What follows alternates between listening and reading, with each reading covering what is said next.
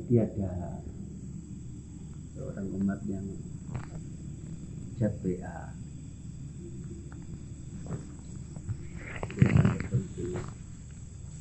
terus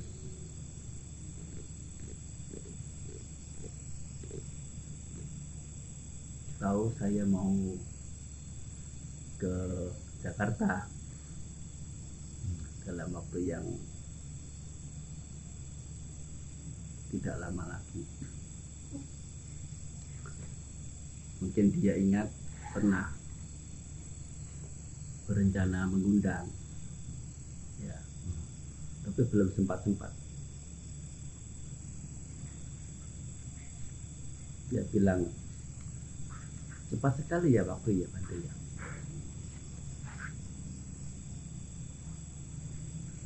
Saya bilang perasaan kita yang mengatakan begitu. Waktu sama untuk semuanya.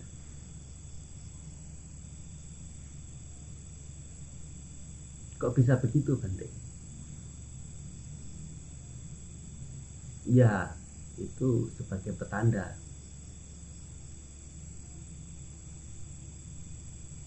Merasa waktu berlalu cepat itu sebagai petanda petanda apa Bante? Petanda sudah mulai tua.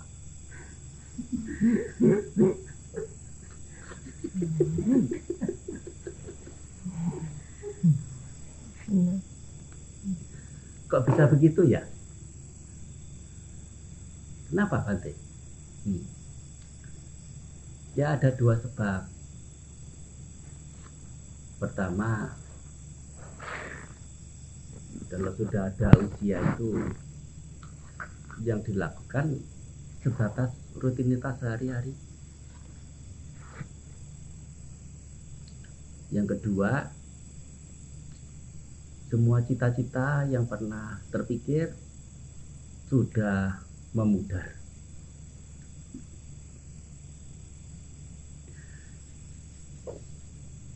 Waktu kecil dulu ya,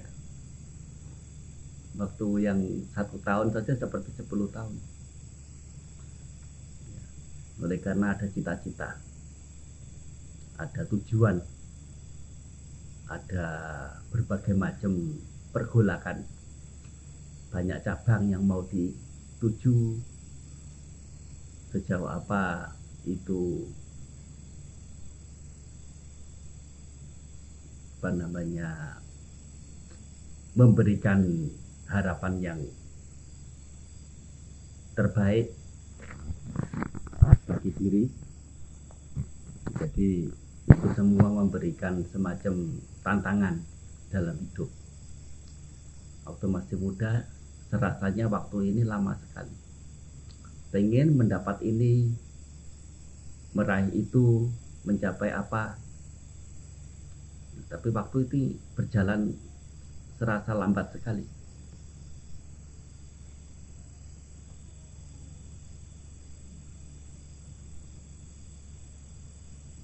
ya dia jawab dia tanggapi semacam pasrah begitu Bante ya? Ya kalau sudah mulai ada usia itu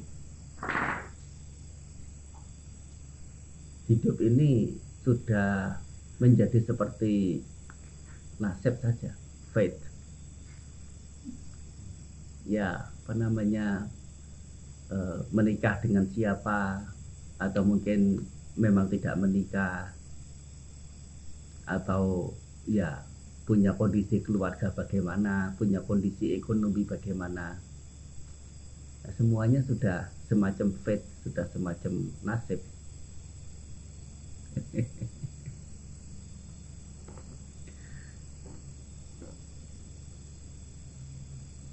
ya, itu uh, kehidupan.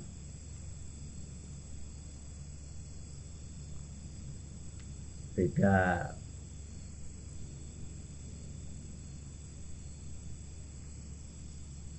Beda waktu.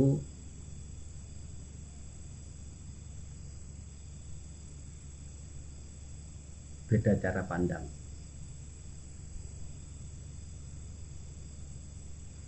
Cara pandang ini sesungguhnya sangat penting. Oleh karena sesungguhnya ajaran Sang Buddha ini pada intinya adalah ajaran untuk mengubah cara pandang. Tidak ada yang lain.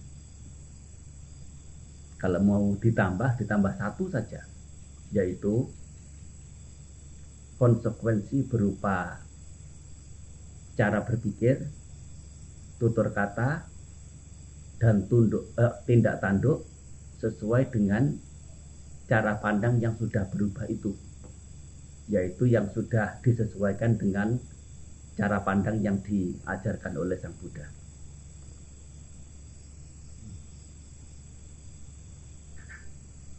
Hanya dua ini saja.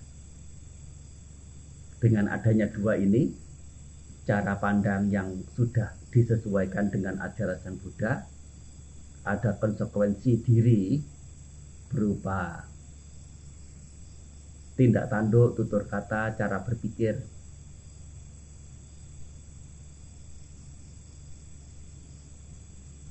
yang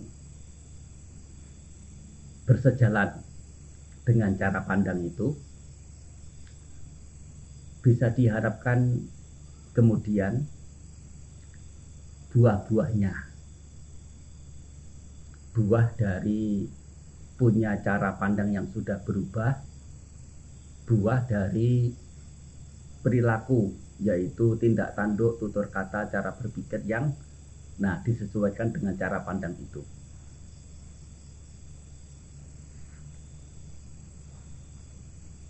Nah, ini adalah sesungguhnya uh,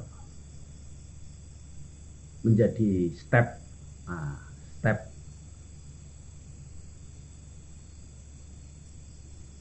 atau langkah, uh, ya step itulah ya, hmm. jenjang, jenjang dalam kita masuk dalam lingkup keyakinan pada ajaran sang guru. Mengubah cara pandang itu apa artinya? Yaitu belajar dharma. belajar dharma itu sendiri adalah mengubah cara pandang. Hmm yang dulunya tidak mengerti itu buruk, termasuk juga tentu tidak mengerti baik, disebabkan tidak mengerti buruk, tidak mengerti baik, dan tidak mengerti akibat keburukan, tidak mengerti akibat kebaikan, kacau jadinya. Kadang melakukan hal yang baik, itu pun tanpa pertimbangan dan lebih seringnya melakukan buruk itu menganggapnya adalah yang baik. Nah, menjadi tahu, oh ternyata ini namanya buruk. Mengapa dikatakan buruk? Karena menyakiti diri sendiri juga memungkinkan menyakiti pihak lain. Namanya keburukan.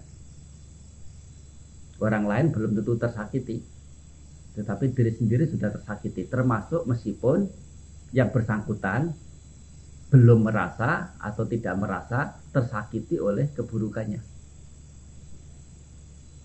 tidak menyadari dirinya sedang tersakiti oleh diri sendiri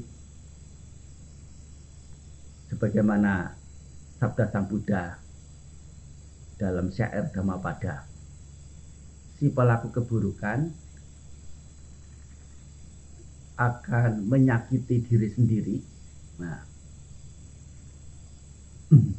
buah buah eh, buah buah perbuatan buruk yang seseorang lakukan akan menyakiti diri si pelaku itu sendiri bagaikan berlian yang melukai intan.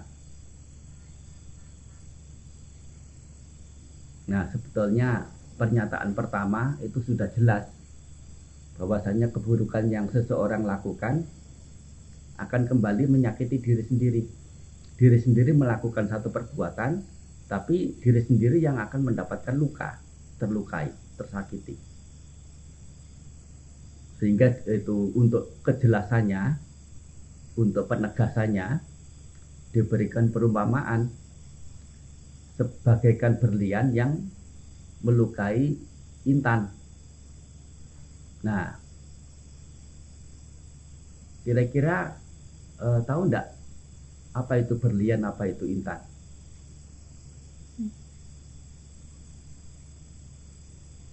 Siapa yang tahu? Jawab. Berlian ya intan batu permata Hah? berlian perbuatan yang buruk Enggak, maksudnya ini loh. eh, Berlian melukai berlian intan. dan intan ini apa itu ada kesamaannya, ada perbedaannya bagaimana? oh sama berlian yang sudah diasah intan belum enggak Eh? bukan intan bambu bukan bukan berlian Sama nama aja. lainnya intan Ah. kan berlian yang intan Ah, sama sama sama. sama sama Intan ya berlian, oh berlian ya intan. Eh, bedanya nah, ya kalau diambil dari gunung namanya intan. Hmm, Begitu masuk ke tukang kikir, hmm. berlian ah, Iya. berkilau, disebutnya adalah berlian. ah Sesungguhnya antara intan dan berlian Hmm. apakah berbeda? Ya tidak, tapi ada bedanya. Ya, satu yang belum dikikir, satu lagi yang sudah dikikir. ya, Satu yang belum melakukan perbuatan, satu yang sudah melakukan perbuatan. ya. Yang sudah melakukan perbuatan ini yang akan menggerus, yang akan melukai. Hmm.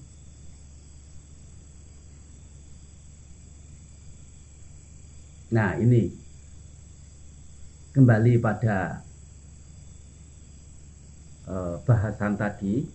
Demikian itu seseorang menjadi tahu bahwasannya keburukan itu adalah buruk yaitu merugikan. Karena pastinya akan melukai diri sendiri termasuk mungkin melaku, melukai pihak lain. Mengerti begini kemudian menghindari perbuatan buruk.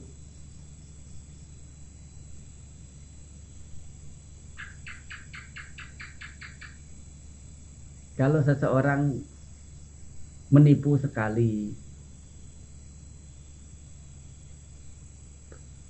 eh kemudian menipu yang kedua kali. Apalagi kepada orang yang sama. Eh menipu yang ke sepuluh kali. Kira-kira orang yang ditipu ini kalaupun tidak tahu pasti akan curiga. Apalagi kalau tahu. Baik curiga ataupun setelah tahu dia ditipu oleh si A itu. Nah katakan si A yang menipu apalagi yang ditipu bukan satu orang melainkan sejumlah orang.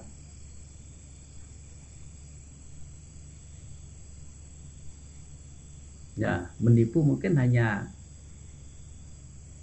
100 ribu 200 ribu.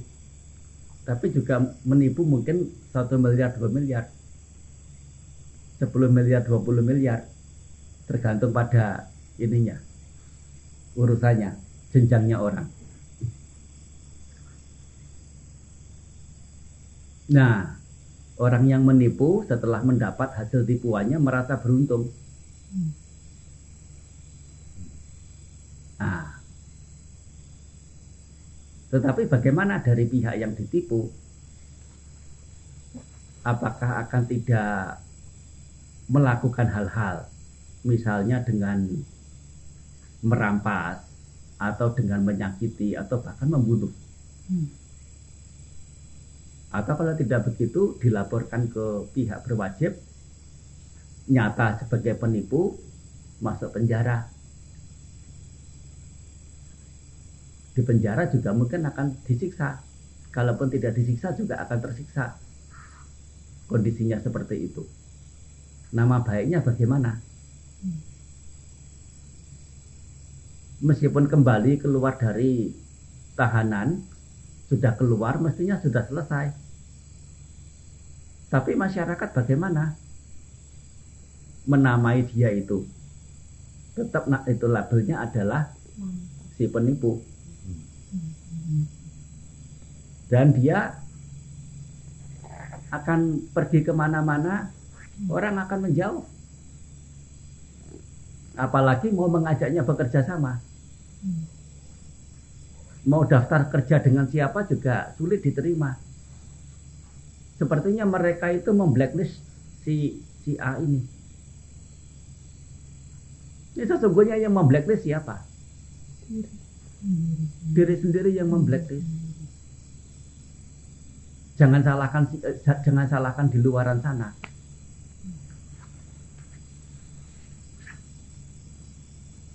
Ini sebagai contoh penegasan tentang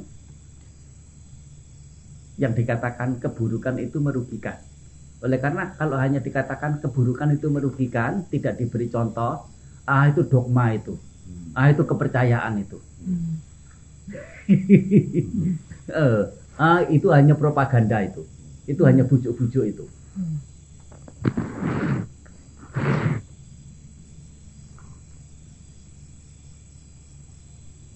Nah, itu. Mengapa keburukan itu sepatutnya dihindari. Jadi di sisi yang lain, mengapa ya atau apa eh, hasil dari mengetahui ajaran sang guru dari tidak mengetahui apa yang baik dan karena tidak mengetahui yang baik ini tidak melakukan kebaikan bahkan menganggap kebaikan sebagai kerugian. Menjadi mengetahui oh ini baik dan kata sang guru adalah menguntungkan adalah guna adalah manfaat. Sering yang saya contohkan ya seorang penjual melayani pembeli. Si pembeli ini pilih-pilih barang pilih barang akhirnya pegang barang yang ternyata itu ada cacatnya. Si penjual memberitahu pada si pembeli Anda yakin mau mengambil barang yang ini? Oh ya betul. Saya senang dengan warnanya atau senang dengan bentuknya. Baik eh, saya beritahu barang yang Anda pegang, yang Anda pilih ini ada cacatnya. Cacatnya begini-begini di sini di sini. Meskipun sebetulnya kalau di luaran tidak kelihatan, tapi nanti setelah dipakai tekan tombol ini mungkin sedikit bermasalah atau mungkin cacat lecet atau apa menjadi tidak indah. Tidak sempurna. Dan karena ini barang cacat, eh, saya tidak menjual dengan harga penuh saya memberikan diskon 10%. Saya memberikan diskon 30%. Saya memberikan diskon 70% tergantung pada kerusakan barangnya itu.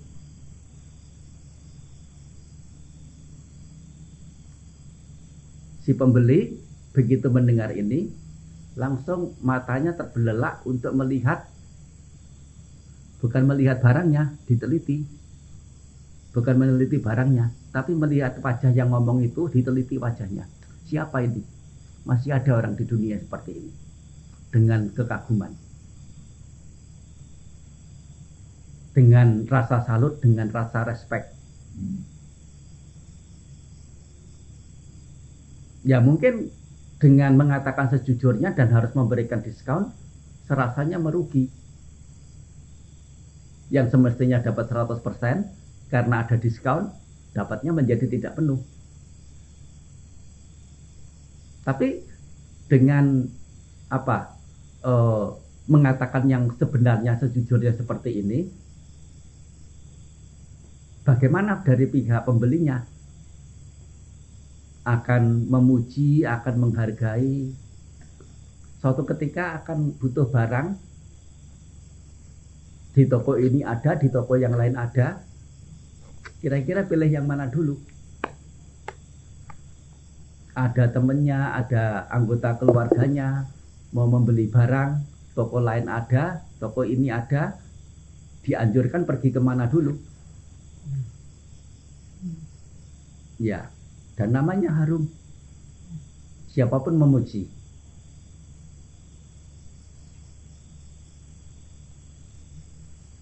Bahkan untuk urusan-urusan yang lebih penting, ya di luar dari apa yang dia jualan, dia kerja itu, mungkin diserahkan kepada orang ini. Serahkan orang ini untuk menyelesaikan, serahkan orang ini untuk mengerjakan, serahkan orang ini untuk menjabat. Oleh karena apa?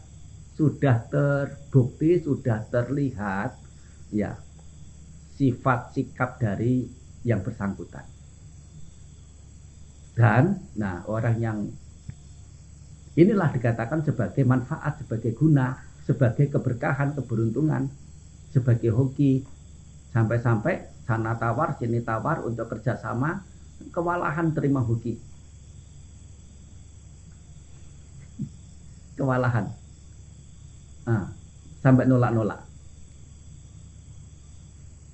Nah, orang yang jujur ini dengan hati yang lurus dan telah merealisasikannya. Siang hari buat jujur malamnya mungkin tidak bisa tidur. Tidak bisa tidur bukan karena menyesal tapi bu, e, tidak bisa tidur karena diliputi oleh kegirangan. Oleh kegiuran. Aku menang aku menang. Aku bangga pada diriku. Aku bisa menghargai diriku. Ya Mungkin sampai hari kedua, hari ketiga sampai sampai satu minggu. Yang mana kalau orang itu tidak jujur, mungkin dapatnya kebahagiaan sekejap sewaktu berbohong itu menipu. Barang barang tidak bagus dikatakan bagus. Tapi malamnya mungkin ya diri sendiri merendahkan diri sendiri. Meremehkan diri sendiri. Menyesal kecewa atau rasa panas di hati atau mungkin khawatir yang ditipu itu mengetahui dan sebagainya. Nah, dengan bersikap lurus, jujur seperti ini, walaupun sebagian besar orang, yaitu orang awam, apa apa maksudnya awam? Orang biasa. Maksudnya orang biasa itu apa? Bukan orang bu, bukan cendekiawan. Bukan bijaksanawan. Artinya apa? Kalau bukan cendekiawan bukan bijaksanawan ya orang bodohan. Orang bodohan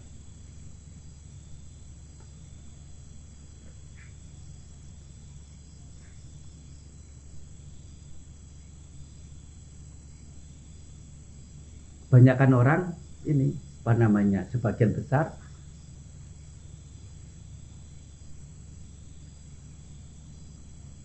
menganggap ya kebaikan itu adalah kerugian.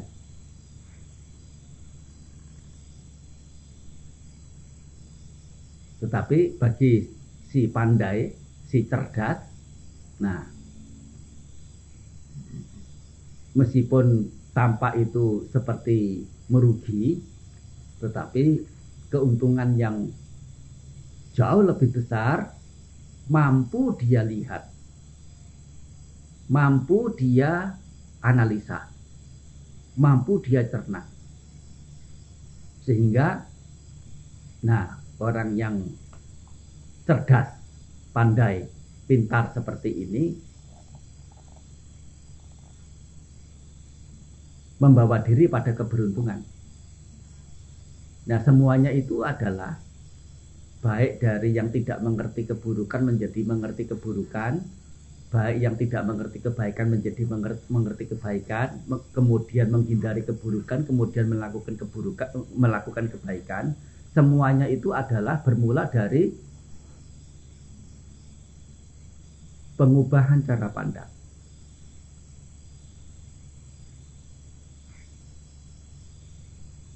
Itu baru sisi yang paling mendasar dalam ajaran Buddha.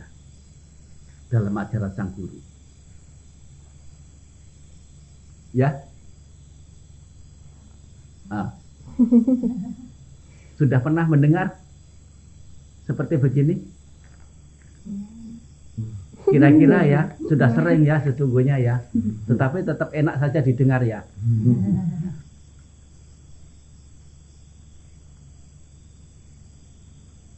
Oleh karena apa? Yaitu uh, orang yang mengarah diri pada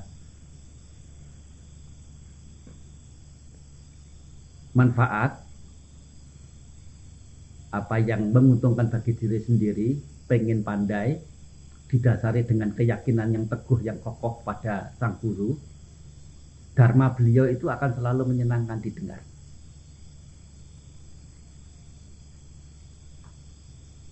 Tetapi bagi mereka yang kurang keyakinannya, lebih berpihak pada si Mara, si setan, yaitu yang meng, me, apa, apa namanya uh, membujuk, mengiming-iming untuk melakukan di sisi yang buruk, tidak melakukan sisi baik.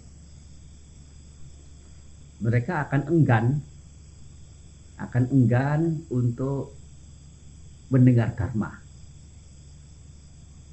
Dan kalau sudah mendengar sekali, mendengar lagi, ah ini kan sudah. Kenapa disampaikan lagi, dijelaskan lagi, diuraikan lagi. Dengar lagi tentang keburukan kebaikan lagi. Dengar lagi tentang keburukan kebaikan lagi. Keburukan itu jangan dilakukan, kebaikan yang mesti dilakukan. Ini lagi, ini lagi. Merasa bosan tetapi kalau dibujuk marah, ini loh keburukan, enak, senang, puas. Eh, sering-sering nggak pernah merasa bosan. eh, nggak pernah merasa bosan, nggak pernah merasa iritasi. Tapi begitu sesekali saja mendengar kebaikan, mendengarkan hal yang baik, yang yang benar, ya, pak, oh, cenderung untuk muncul rasa iritasi. Hmm. Orang yang seperti ini sesungguhnya nah itu melukai diri sendiri, men, apa, memusuhi diri sendiri, menganggap diri sendiri se sebagai musuh.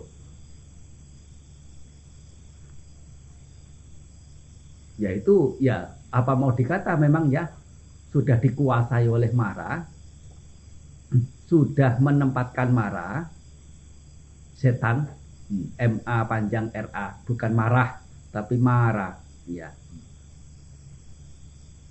ini hanya personifikasi saja, hanya apa uh, mengumpamakan itu adalah sosok yang hidup. Itu adalah nama lain dari keburukan-keburukan, kejahatan-kejahatan, marah ini, setan ini. Sudah menempatkan marah ini untuk mengatur hidupnya, untuk mengatur dirinya. Sudah hidup ini diri ini engkau si Mara yang mengatur. Aku ikut. Jadi segala keputusannya itu tergantung si Mara ini punya ya, punya pilihan. Diri sendiri tidak punya kuasa apa yang menjadi kerugian, apa yang menjadi manfaat dan apa yang mesti diri sendiri lakukan. Oleh karena apa? Sudah menyerahkan kuasanya itu kepada Mara. Setan. Nah ini sehingga datang kepada Sang Buddha untuk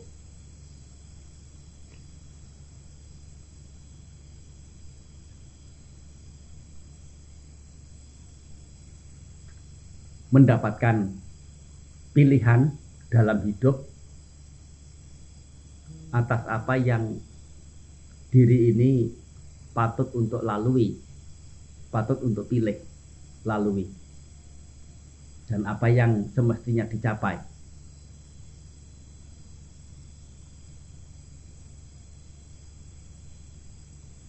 Nah, ini adalah namanya cara pandang. Cara pandang itu Kalau dalam istilah dharmanya disebut dengan didik. Nah, didik D I T titik bawah T titik bawah H I. Tetap didik ini artinya pandangan. Nah, sering kata didik ini mengacu ke pandangan keliru. Tetapi didik di sini yang dibahas di sini adalah sama didik pandangan benarnya ya, punya titik, punya cara pandang yang benar.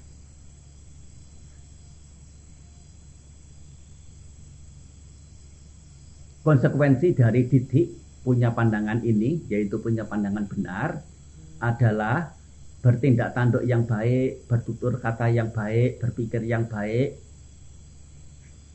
Dalam bentuk apa? Dalam bentuk menjalankan sila. Dalam bentuk bermeditasi. Ini adalah silanya. Didik dan sila. Sila dan didik. Baik apa namanya menjalankan sila, lima sila, delapan sila, sepuluh sila atau sila-sila yang lebih banyak termasuk juga meditasinya tercakup dalam permanaan kata sila. Jadi hanya ada dua, didik dan sila.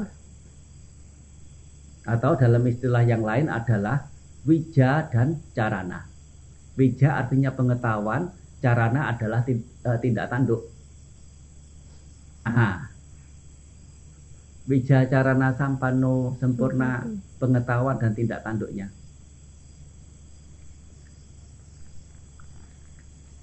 Kalau sempurna sempurna cara pandangnya, sempurna pengetahuannya, sempurna sila tindak tanduknya, hasil buah akibat tidak usah diragukan lagi.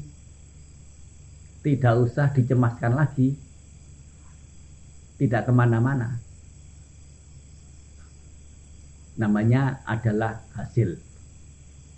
Secara umum, nah itu ada istilah pariyati, belajar mengetahui untuk mengubah cara pandang, pati-pati, tidak lain adalah pelaksanaan sila, pelaksanaan bawana meditasi untuk mendapatkan pati weda yaitu buah-buah.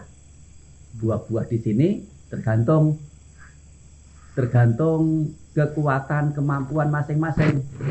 Ada yang e, berupaya hingga mendapatkan manfaat secara duniawi saja. Harta, hartanya banyak, dipuji orang, banyak teman, hidupnya nyaman, sejahtera, tenteram, mati pun mati tenang. Ya, secara duniawi. Ada yang sebagian punya kemampuan dalam pelatihan yang lebih, ya, melakukan hal-hal yang ya lebih banyak lagi, bukan sekedar manfaat dunia, tetapi juga manfaat setelah uh, manfaat manfaat dunia lain, ya, yaitu alam-alam surga. Ada yang punya kemampuan, punya potensi lebih lagi, dengan mengembangkan batin mencapai alam-alam yang lebih tinggi dari alam surga yang disebut dengan alam Brahma.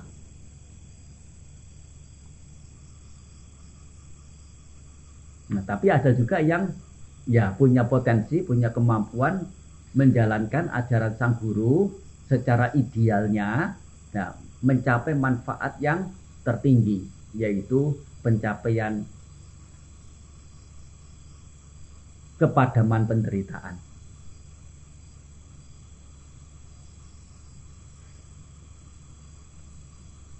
Secara total, tanpa perlu kembali menderita lagi.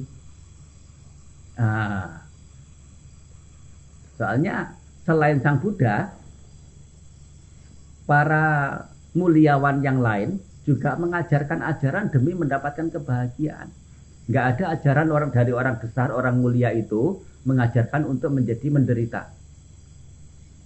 Termasuk tanpa diajari pun setiap orangnya sudah berupaya untuk mendapatkan kebahagiaan. Betul ya? Hmm. Tanpa diajari sudah begitu. Uh, ada cara ini, cara itu, cara apa. Kalau diri sendiri tidak bisa mencari tahu, belajar dari para guru. Tidak lain adalah upaya untuk mencapai kebahagiaan. Demikian pula Sang Buddha mengajar dharma dengan tujuan agar siapa pun yang mendengar bisa mencapai kebahagiaan. Hanya beda Sang Buddha dari ajaran yang lain. Ajaran yang lain itu meskipun memungkinkan untuk mendapatkan kebahagiaan, kebahagiaan itu sifatnya tidak langgeng, tidak to, tidak totalitas. Bisa bisa dicapai kebahagiaan itu tetapi hanya untuk sementara waktu. Berikutnya bagaimana? Ya harus berusaha lagi, mendapatkan lagi. Mungkin konsekuen dengan apa yang diinginkan melakukan hal yang mengarah pada kebahagiaan sebagaimana yang orang besar, orang mulia itu lakukan. Tetapi tidak tuntas. Yaitu tidak totalitas. Yang masih memungkinkan kembali menderita lagi. Setidaknya dengan apa kebahagiaan yang sudah terlepas, sudah padam, akan muncul kekecewaan. Itu sudah penderitaan saat harus mengupayakan hal-hal demi mendapatkan kebahagiaan sebagaimana yang diajarkan, perlu usaha lagi, perlu berupaya lagi, perlu susah payah lagi. Dan itu bukan hal yang menyenangkan. Kalau bisa pilih, nggak usah ada daya upaya. Nggak usah susah-susah. Ya toh? Ya. Pilih mana? Bisa hidup nyaman tanpa kerja atau bisa hidup nyaman tapi harus kerja? eh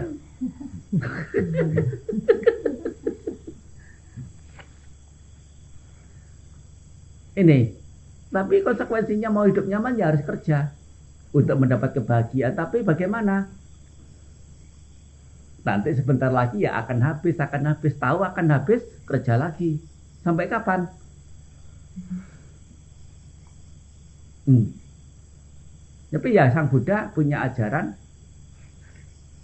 untuk idealnya adalah mencapai kebahagiaan secara total, secara menyeluruh, tanpa perlu kembali menderita lagi. Kok bisa begitu? Apakah ini bukan propaganda? Apakah ini hanya bujuk-bujuk? Apakah ini hanya dogma? Nah, inilah harus bisa mempelajari ajaran Sang Buddha berupa apa? Berupa pengubahan cara pandang Kalau mau hasil yang totalitas, kebahagiaan total menyeluruh tanpa perlu kembali menderita lagi. Konsekuensinya adalah perlu belajar yang namanya empat kebenaran Arya. Penderitaan, kemunculan penderitaan, kepadaman penderitaan, dan jalan menuju pada kepadaman penderitaan dari empat hal ini penderitaan ada. Ternyata bahwa e, penderitaan itu berupa apa? Menjadi tua senang ndak? Menjadi mati senang ndak? Kecewa senang ndak? Sakit tubuh senang ndak? Sakit hati senang ndak? Dan itu nyata ada ndak? Eh, ke kekecewaan ada ndak? Nyata ndak? Namanya penderitaan ada ndak ini? Ada. Tapi penderitaan ini tidak akan ada hal apa pun bisa di uh, tidak ada hal apa pun untuk dihindari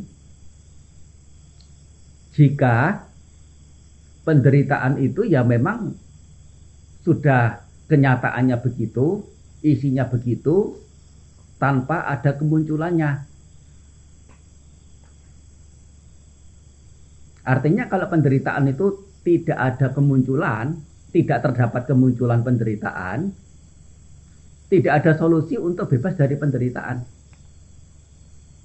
Tapi ternyata penderitaan ini setelah dicermati, setelah diselidik, siapa yang mencermati yang menyelidik? Sama Sang Buddha, Paceka Buddha, Sawaka Buddha.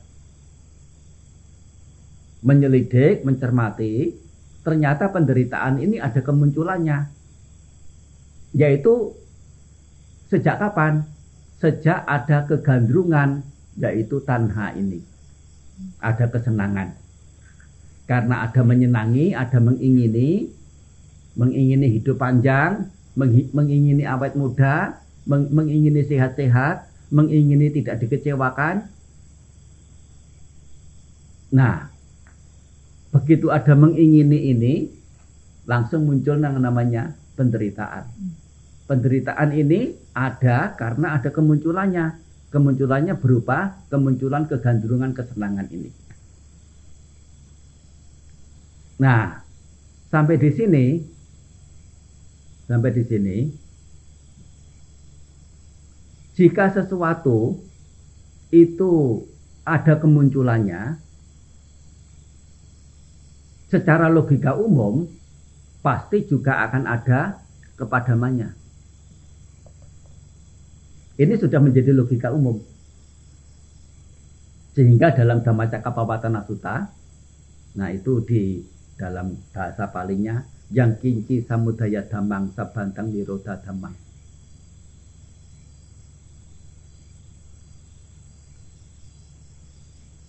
Apa pun hal yang wajar mengalami kemunculan, semua hal tersebut wajar pula mengalami kepadaman. Itu sudah menjadi menjadi doktrin umum.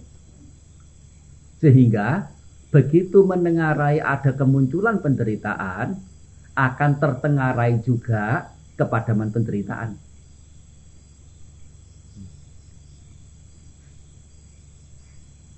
Kalau kemunculan penderitaan itu adalah kemunculan tanha, kepadaman penderitaan tidak lain adalah kepadaman tanha, kegandrungan ini. Sehingga, nah, apa yang menjadi cara jalan untuk mencapai pada kepadaman penderitaan, yaitu kepadaman tanha ini, melalui menjalankan jalan Arya berunsur delapan. Nah, ini adalah empat kebenaran Arya, tetapi yang eh, saya akan sampaikan di sini adalah lanjutan dari mengerti empat kebenaran Arya. Sequence eh, tindak apa? Sequence itu apa? Keberlanjutan eh, dari mengerti empat kebenaran Arya. Apa itu? Penderitaan. Ada kemunculan penderitaan, ada kepadaman penderitaan. Oh, ada kemunculan, ada kepadaman yang muncul tidak kekal abadi, ada kepadamannya. Ini namanya apa? Ketidaktetapan. Namanya apa? Ketidakkekalan, anicca. Nah, sesungguhnya dengan anicca ini juga sudah mampu seseorang itu memadamkan kegandrungan atau kesenangan ini karena anicca, karena tidak kekal, meskipun sesuatu itu menyenangkan, itu tidak timpal untuk dilekati, untuk dicengkeram. Karena apa? Ya itu tidak kekal itu. Satu ketika akan berubah, akan rusak, akan hilang, akan pergi darinya. Dan itu adalah kekecewaan. Saat masih dalam cengkeraman sudah juga muncul kecemasan, kekhawatiran, ketakutan. Kapan akan hilang, kapan akan rusak, kapan akan pergi, kapan akan berubah hati. eh.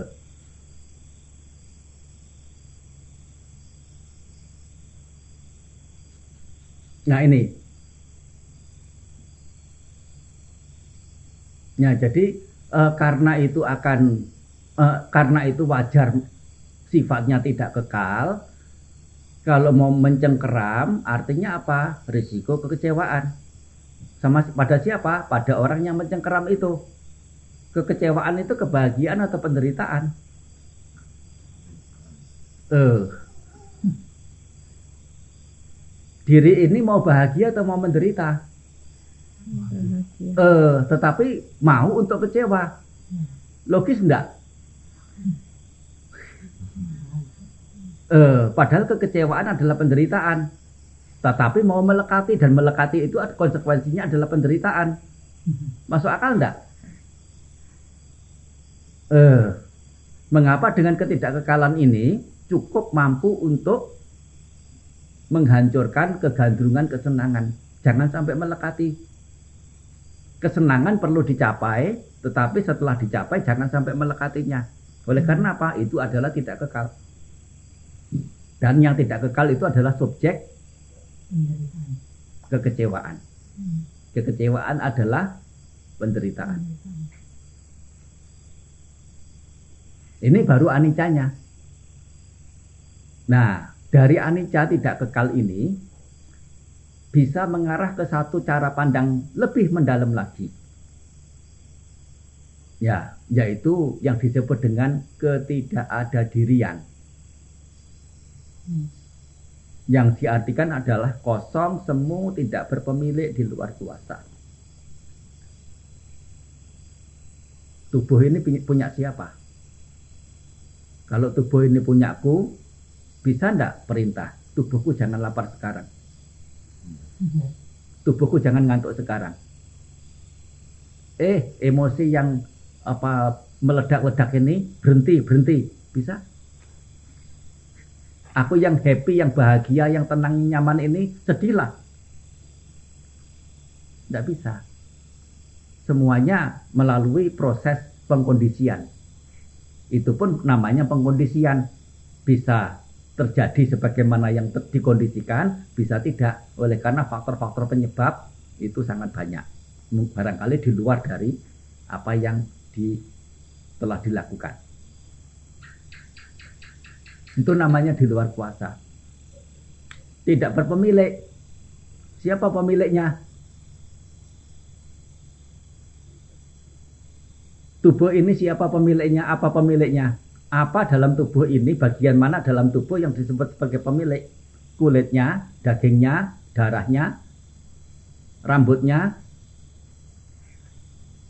atau jantungnya, atau otaknya, atau apa? Atau tulangnya? Soalnya tulang ini yang menjadikan tegak.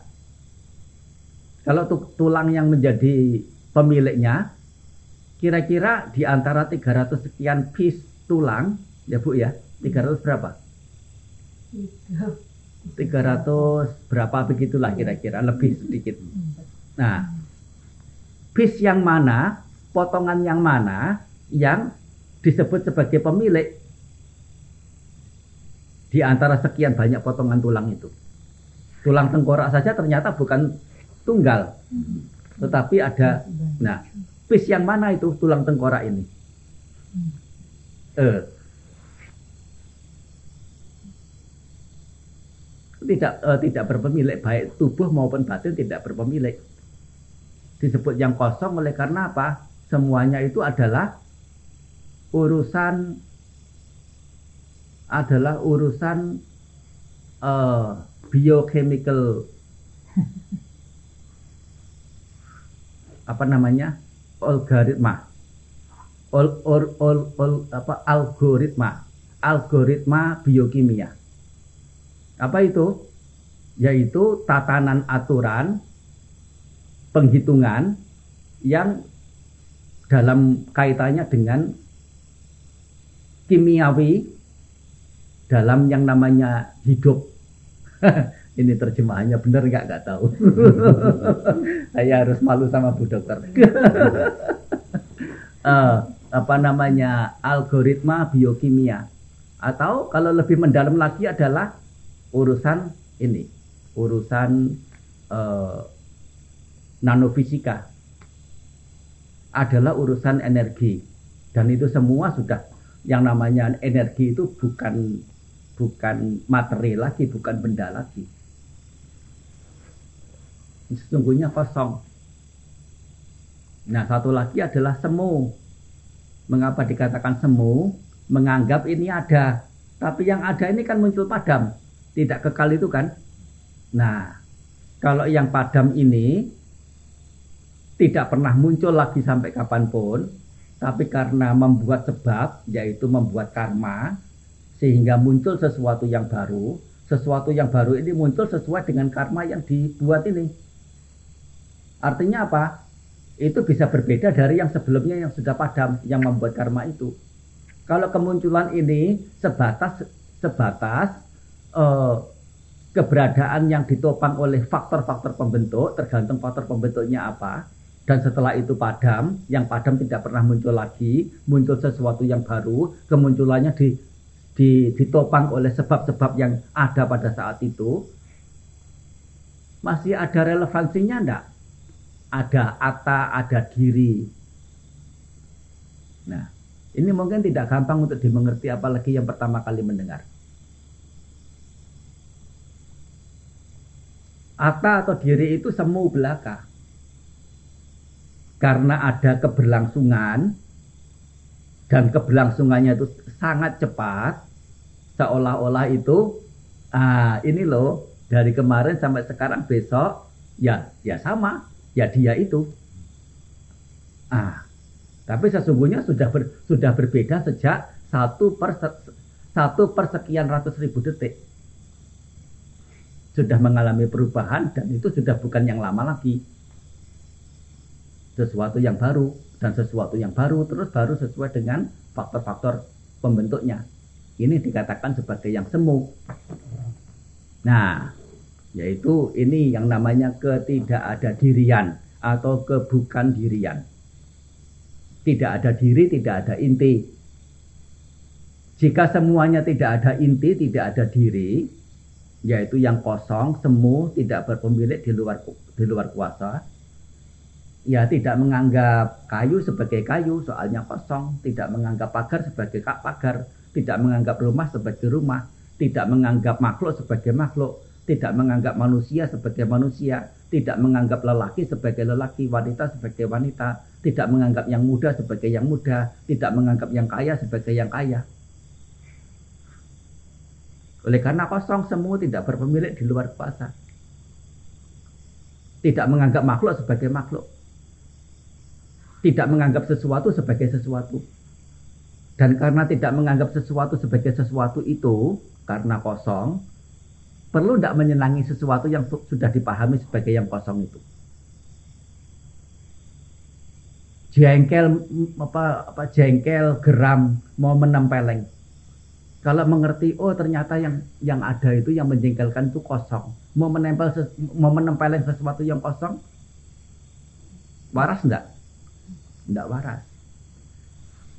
Tidak mungkin ada kebencian lagi. Tidak mungkin ada kesenangan lagi terhadap sesuatu apa pun.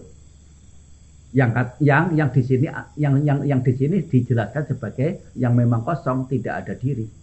Dan karena tidak ada menyenangi, tidak ada membenci, bebas dari penderitaan.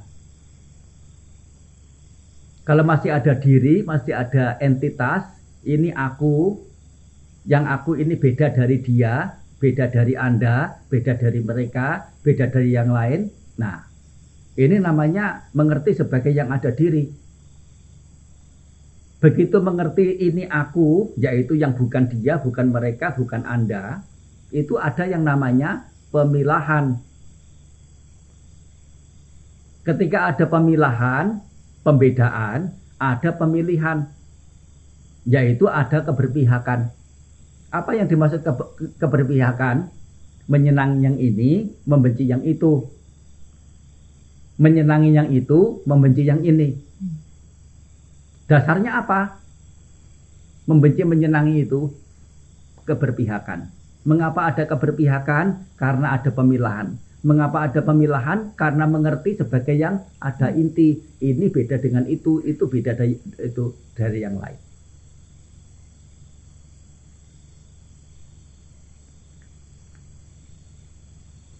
Kalau semuanya kosong dan semuanya itu tidak ada inti, tidak perlu ada pembedaan dan karena tidak ada pembedaan, nggak ada nggak nggak nggak itu apa tidak ada posisinya bagi kesenangan dan kebencian itu untuk muncul. Didasari dengan pandangan benar, apa itu? Sebagai yang tidak ada diri. Dari mana munculnya? Dari empat kebenaran Arya. Apa itu empat kebenaran Arya?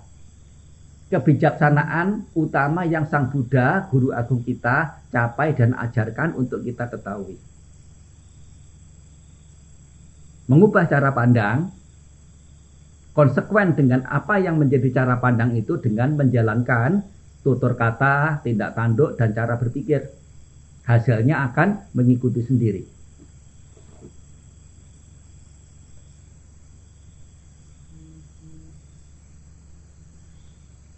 Kok jadi dalam ya? Awalnya cerita tentang chatting. Tapi ini ya sebagai sebagai ya sharing ya sharing kalau dibilang sebagai pengantar untuk sesi tanya jawab barangkali ada yang mau atau mau diadakan tanya jawab ya.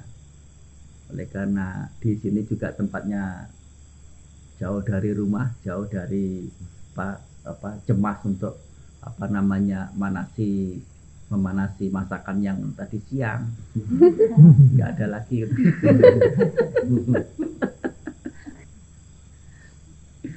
Eh jadi kondusif untuk ngomong-ngomong. Ya. Mau sampai jam berapa? Jam 2